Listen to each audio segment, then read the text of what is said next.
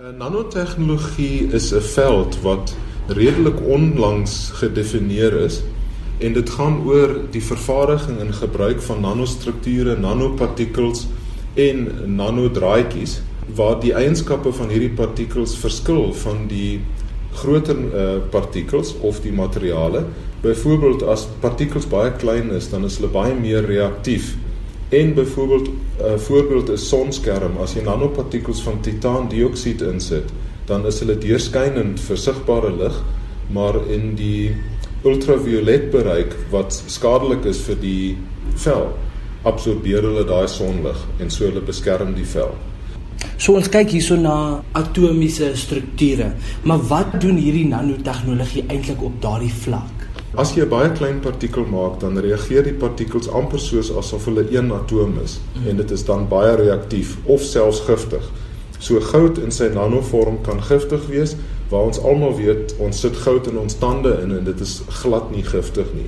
Ander eienskappe is dat die nanopartikels baie groot oppervlakte het en so as dit byvoorbeeld in 'n plastiek ingesit word, dan kan dit die plastiek baie sterk maak of ehm um, dit kan ook die uh, plastiek brandbestand maak en as dit in kosmeties ingesit word dan kan dit as 'n draer van byvoorbeeld Vitamiene C gesien word.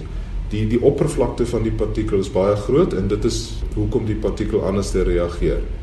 So as ons nou byvoorbeeld na hierdie plastieke kyk, is hierdie plastieke dan herwinbaar of vir watter doeleindes word daai plastieke gebruik? Want vroeër het ons plastiek sakkies gesien. Is dit net plastiek sakkies wat gemaak word of watter soort plastiek?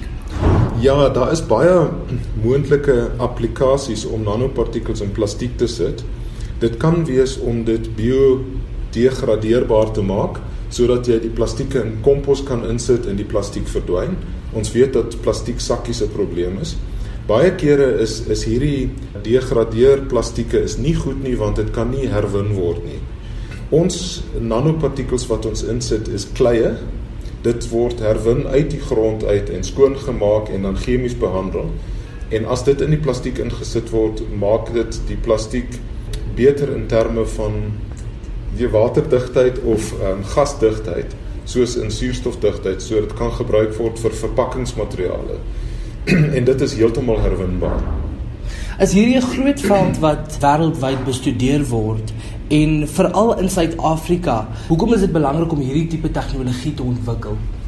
Internasionaal gesien is hierdie al 'n veld wat vir 30 jaar sterk aan die groei is. As 'n mens kyk na die patente wat ingesit word, dan is dit die grootste veld vir patente nanotegnologie internasionaal. Duisende patente per jaar. Suid-Afrika kan nie bekostig om weer terug te bly internasionaal. So ons moet kyk daarna om hierdie nanotegnologie te bedryf. En dit het baie voorbeelde soos ek genoem het in mediese applikasies, water in ehm um, herwinning van sonenergie en so definitief moet ons daarin iets aan doen.